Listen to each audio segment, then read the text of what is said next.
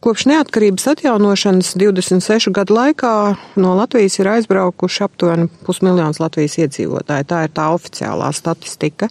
Šobrīd vairāk Latvijā satrauc par tiem cilvēkiem, kas aizbrauca pēc 2008. gada globālās finanšu un ekonomikas krīzes. Mēs runājam par viņiem. Principā tur tiek minēts skaidrs 270 tūkstoši. Tas ir kopš 2000 gada. Es domāju, tā arī ir tā jauna diaspora sāksim ar 2000. Pirms uh, iestāšanās Eiropas Savienībā, kad, kad parādījās tā iespēja brīvi strādāt, teiksim, sākumā Lielbritānijā un Īrijā un Zviedrijā. Tie, tie gadi, nu, sākot ar 2004. īpaši, tā ir tā jauna diaspora. Es domāju, ka nav vērts atšķirt uh, īpaši pēc krīzes, teiksim, tur daudz vairāk pēc krīzes un zināmā mērā atšķiras pēc sastāvā, bet principā tā jauna diaspora ir kopš 2000.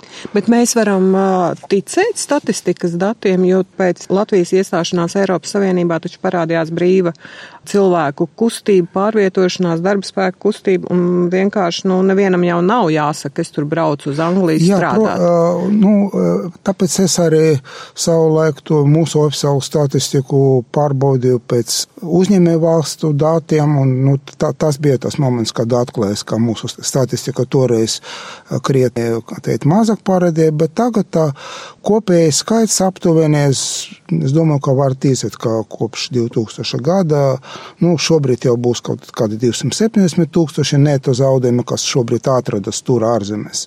Protams, var būt plus mīnus kaut kas, bet ne kritiski. Ja? Teiksim, oficiāli dati ir stipri izkropļoti pa gadiem, tur gan, ja, bet uh, kopējais skaits ap, aptuveni sākrīt. Pēdējos gados, es teiksim, par pēdējiem diviem gadiem nebiju vēl detalizēti salīdzinājis.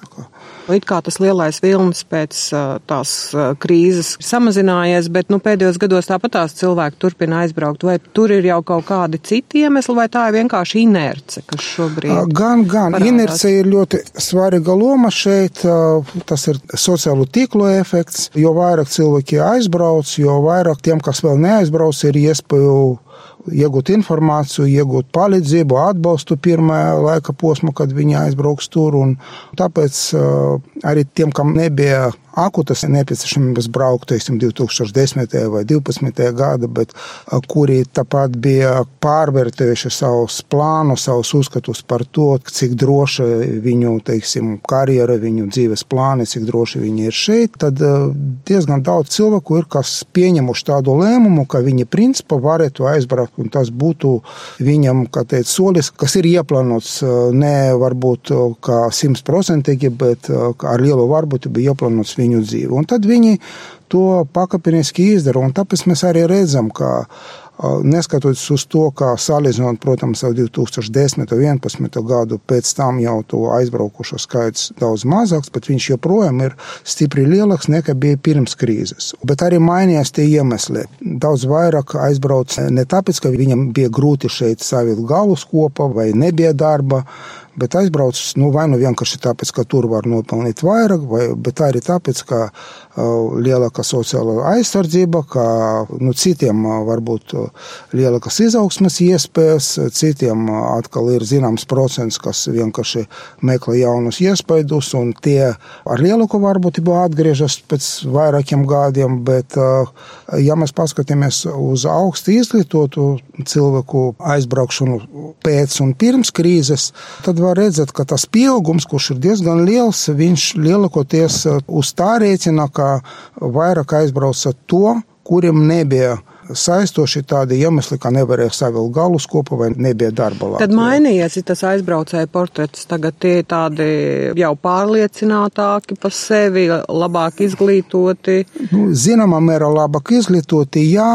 Labāk redz savu plānu tur, tie ir drīzāk ilgtermiņa plāni. Mērķis nav aizbraukt, nopelnīt, lai atmaksātu parādu, vai nopelnīt, lai kaut teiksim, iemaksātu uh, par mājokli to pirmo maksājumu, bet lielākai daļai mērķis ir pārcelties uz dzīvi. Tā pašā laikā daļa no tiem, kas uh, šo soli spēr, pēc tam sāk dzīvot ar vienu kāju šeit, ar vienu tur, un tādu arī diezgan daudz. Ko tas nozīmē ar vienu kāju šeit, ar vienu tur? Viņi uh, vienkārši šeit ir kaut kāda ģimene palikusi, un tad viņi brauc, vai tas ir savādāk? Ir, ir vairāki, teikt, veidi, kā tas notiek. Bet tā aptauja, ko mēs veicam liela projekta ietvaros 2014. gada, parādīja, ka tuvu pusē no tiem visiem emigrantiem, kurus mēs aptaujam, tas bija 14,000, saka, ka ne pirmo reizi ir aizbraukuši jau. Ja? Un Arī pirms gada, kad veicam atbraukušo aptauju, arī tur diezgan liela daļa tādi, kas atbildēja konkrēti uz šo jautājumu, vai jūs dzīvojat Latvijā vai ārzemēs, lielākoties vai daļēji šeit, daļēji tur, diezgan daudz atbildēja, ka daļēji šeit, daļēji tur.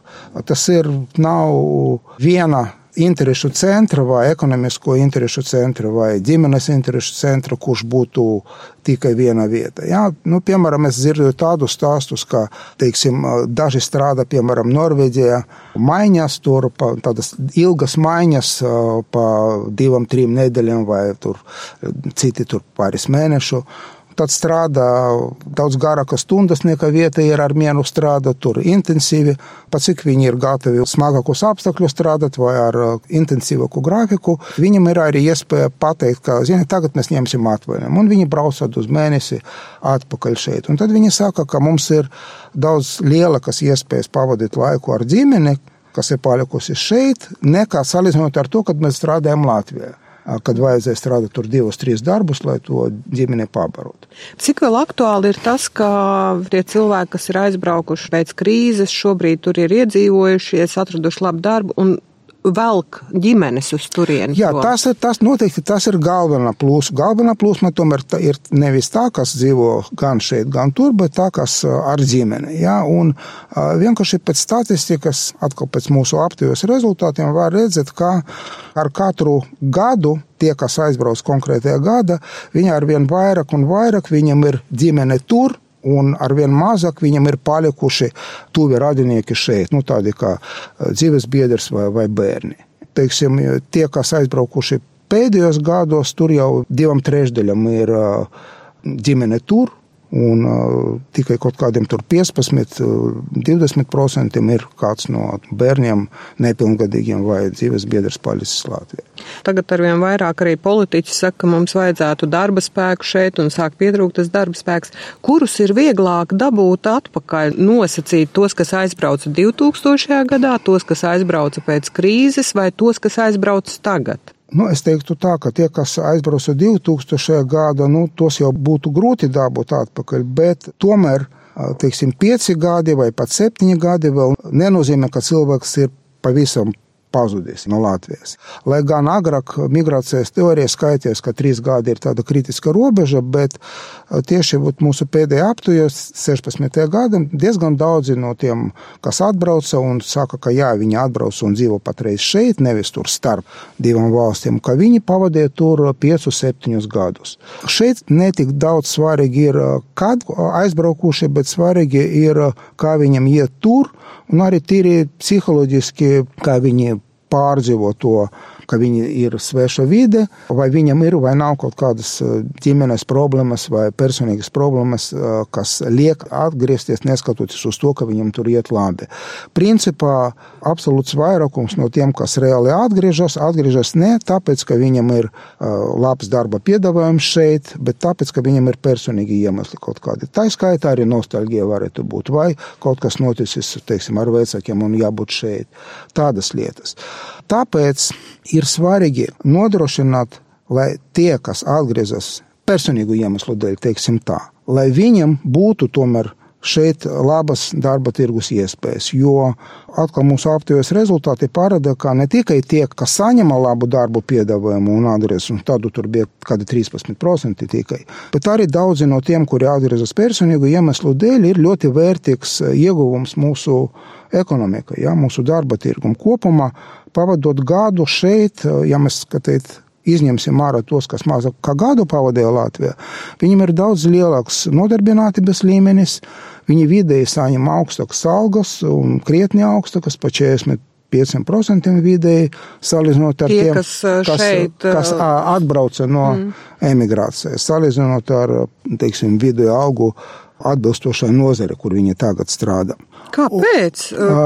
Tāpēc, ka viņi atbrauc ar vai nu vērtīgu pieredzi, vai nu vērtīgam zināšanām, vai vērtīgam prasmēm, ar labāku pašpārliecinātību. Arī cits iemesls ir, protams, tāds, ka viņi atbrauc ar zināmiem uzkrājumiem un var atļauties ilgāk meklēt darbu un atrast pareizo, nevis izvēlēties pirmo vai otru, kuru piedāvā. Bet visinteresantākais ir tas, ka katrs trešais no viņiem, no tiem, kas strādā jau tagad Latvijā, atbildot uz jautājumu, vai jūs sevi uzskatāt par grūti aizvietojamu vai neaizvietojamu darbinieku, katrs trešais pateica, ka jā, un arī pamatoja, kādas prasmes vai zināšanas viņu prāt viņus padara par neaizvietojamiem darbiniekiem. Un tur ir gan konkrētu darbu var labāk izpildīt, vai arī tādas lietas kā nestandarta domāšana, konfliktu atrisināšanas spējas, piedalīšanās jaunu produktu izstrādāšanas, jaunu klientu piesaistes spējas.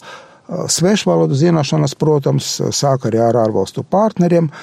Ļoti plašs spektrs. Un tas nav tikai viņu pašu viedoklis, ka viņi ir neaizvietojami, bet cik mums bija arī jautājums par to, cik viņi saņem cilvēki, tad tie, kas uzskata sevi par neaizvietojamiem darbiniekiem, viņi saņem daudz vairāk nekā ar tādu pašu izglītību strādājošie, kuri sev nepieskaita pie tādiem uh, grūti aizvietojumiem. Bet šie cilvēki ir nu, nosacīti vidējā un augstākā līmeņa vadītāji, vai Nē. principā arī mēs varam runāt par tādiem nu, vienkāršā darba darītājiem? Uh, nu, teiksim tā, pārsvara tas ir ar augstāku izglītību, bet ne tikai. Arī ar vidu izglītību tur arī tādi ir. Tā algu atšķirība starp tiem, kas ir neaizvietojami, un tiem pašiem remigrantiem, kuri neuzskata sevi par neaizvietojamiem pieauga ar izglītības līmeni. Teiksim, tiem, kam ir maģistra grāds, un viņam ir kaut kas tāds, kas viņu kolēģiem nav, viņi saņem par gandrīz 90% augstāku atalgojumu nekā viņu kolēģi, arī remigranti, kuri savukārt saņem vairāk nekā pārējie, kuriem, kā teikt, nav tādu neaizvietojumu prasmju.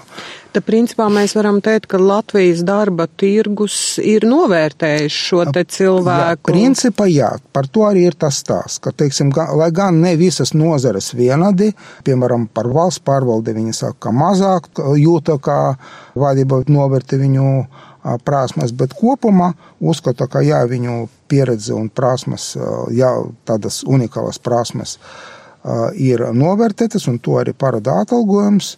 Un lielākoties viņi arī saka, ka pilnībā vai, vai lielā mērā tas prasmes ir iegūtas ārzemēs.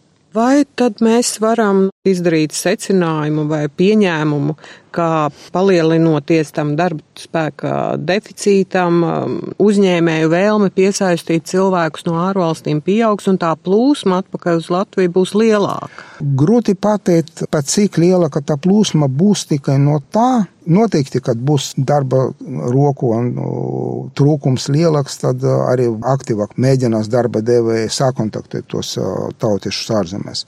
Bet ko es gribu pateikt, ir tas, ka arī tā plūsma, kura šobrīd ir, arī tā nav tik maza. Nu, teiksim, viņa ir daudz mazāka nekā mums vajadzētu, ja, bet uh, arī viņa nav pilnībā vēl izmantota. Aptuveni mēnesī, nu, tas ir gadā, cik daudz cilvēku? Nu, pēc oficiāliem datiem tie ir kaut starp 4 un 5 tūkstošiem atkal šeit tie oficiāli dati, nu, viņas grūti pārbaudīt. Kopumā ap 100 tūkstošiem cilvēku darbspējas vecuma, kas pēdējo desmit gadu pastrādājuši ārzemēs šeit dzīvo. Bet svarīgi ir tas, ka vēlreiz viņi atgriežas lielākoties pagaidām personīgu iemeslu dēļ. Tātad, ja būtu platforma, kas savienotu darba devējus ar mūsu tautiešiem ārzemēs, kura palīdzētu viņus mērķiecīgi atrast, nevis izmantot to vispārējo nodarbinātības aģentūras vai CV online platformas, bet speciāli un konkrēti tiem, kas dzīvo ārzemēs, jo viņi paši savas atbildes uz to, kas viņam trauca, integrēties darba tirgu vai atrast labu darbu šeit. Viņas uzas par informācijas trūkumu. Jā, tātad vēlreiz tikai 13% no tiem atbraukošiem vai nu saņem labu darba piedāvājumu, vai atbrauc ar savu biznesa plānu. Tad visi pārējie vienkārši šeit meklētu darbu. Un tas fakts, ka tur daudz vairāk nekā šis procents no viņiem ir ar ļoti vērtīgām spējām un prasmēm, parāda, ka tas ir potenciāls, kuru jāizmanto daudz intensīvāk. Man bija saruna ar Aivu Rozenbergu, kas ir Latvijas institūta vadītāja, un viņa minēja to, ka kustības gribu tevi atpakaļ ietvaros ir bijuši mēģinājumi runāt arī ar uzņēmējiem, lai veidotu šo te platformu, kur satiekas tad uzņēmējs un tās iespējamais cilvēks, kas grib braukt šeit atpakaļ un strādāt. Diemžēl tas nav izdevies, tā kā vārdos ir uh, šis apgalvojums, ka jā, jā, tas mūs interesē, bet līdz galam tā sajūta, ka tas ir jādara un tas varētu tikt darīts tuvākā laikā, nav. Kāpēc? Kā jūs to skaidrotu? Tā ir, ir tā problēma, kā piemēram vienas pieturas aģentūra, kas bija ieplānota vēl 13. gada emigrācijas plāna. Ja, būs viena vietne, vai ne, ne iestāde, varbūt pat vienkārši interneta vietne, tāpat kā ir Lietuva, Polija, kur tie potenciāli remigranti var atrast visu informāciju, kas viņam ir nepieciešama. Joprojām nav, četri gadi pagājuši. Kāpēc nav? Nu, tāpēc, ka nav vienas institūcijas, kura par to būtu atbildīga un līdz ar to ieinteresēta, un tas viss paliek gaisa sarunu līmenī. Ja? Un tas pats ar darba meklētāju un, un darba devēju savienošanās platformu, arī tas vairākas reizes aktualizēts.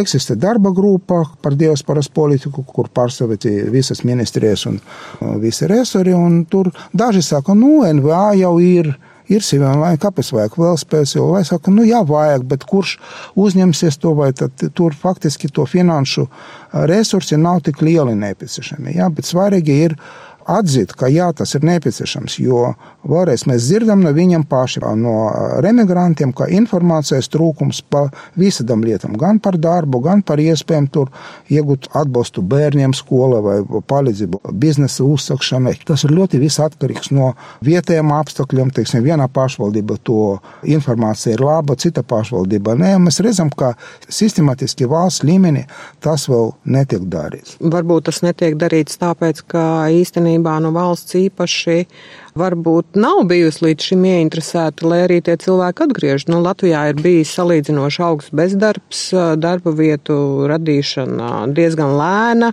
Varbūt Latvijā nemaz nav vajadzīgi tie cilvēki, nu nav liekas sloks sociālam budžetam. Tas varētu būt viens iemesls, ka ir kaut kādi politiskie spārni, kuri uzskata vai uzskatīja.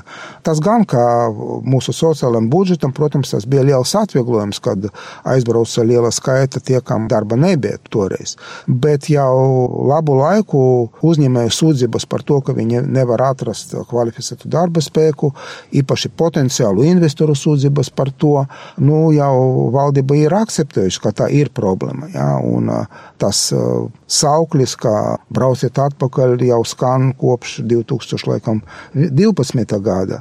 Tā oficiāli skan. Tā oficiāli, bet jā, no, tā jā. ieinteresētība principā ir politiskas gribas kaut ko izdarīt reāli, no acīm redzot, nebija vai institucionāla vide nebija pareizi tam sagatavota. Ja, jo nav vienas institūcijas, kur atbildīga, kur tad tā nauda, kad būs no kurienes. Paskatoties šobrīd Eiropas Savienības mērogā, Latvija joprojām ir, diemžēl, starp nabadzīgākajām Eiropas Savienības valstīm. Vai nauda, materiālais nodrošinājums ir tas būtiskākais arguments, kas liek izšķirties braukt atpakaļ vai nebraukt. Nu, proti, nebraukt atpakaļ, tāpēc, ka es tur ārzemēs varu nopelnīt vairāk. Vai tomēr ir kaut kādi jau citi argumenti, nezinu. Atbraukšu uz Latviju, izdarīšu kaut kādas lielākas lietas, vai šeit ir vairāk iespēja, vai kā. Kas ir galvenais, kāpēc cilvēki joprojām pieņem to lēmumu nebraukt atpakaļ? Nu, tie trīs galvenie ir tie acīm redzami, jā, tad tiešām viņi tur daudz labāk pelna, lielāka daļa no viņiem, lai gan vēlreiz kā mēs redzam no tiem, kas jau ir atgriežusies tur, tā daļa, kuri, kā teikt, dabūja darbu un jūtas sevi kā grūti aizvietojumi, viņu atalgojums ir ļoti konkurētspējīgs, un viņu vidu nav maz tādu, kas saņem 2000 mēnesi neto uz rokam un vairāk. Bet, protams, ja mēs runāsim par to lielu masu, pagaidām liela masa tur var nopelnīt vairāk. Tāpēc jāreķinas ar to, ka tuvākā nākotnē tas atgriešanās joprojām notiks personīgu apstākļu, personīgu iemeslu, arī nostalģijas dēļ. Protams, nauda ir tas iemesls, kāpēc viņi nebrauc. Tāpēc, ka viņi saka, mēs esam jau tur iedzīvojušies, iesakņojušies, mums ir labi, viņi ir apmierināti. Bet, ja kaut kādu iemeslu dēļ viņi tomēr atgriežas, tad jāveido apstākļi, ka viņi tiks izmantoti, teikt, labākā veidā, kas būtu labas gan viņam, gan Latvijai. Tas joprojām netiek nodrošināts, lai gan informācijas vienas pieturas aģentūra informācijas nodrošināšana tas nav tik dārgas un tik, tik grūti izdaramas lietas. Paldies jums liels par sarunu. Paldies, ka atnācāt.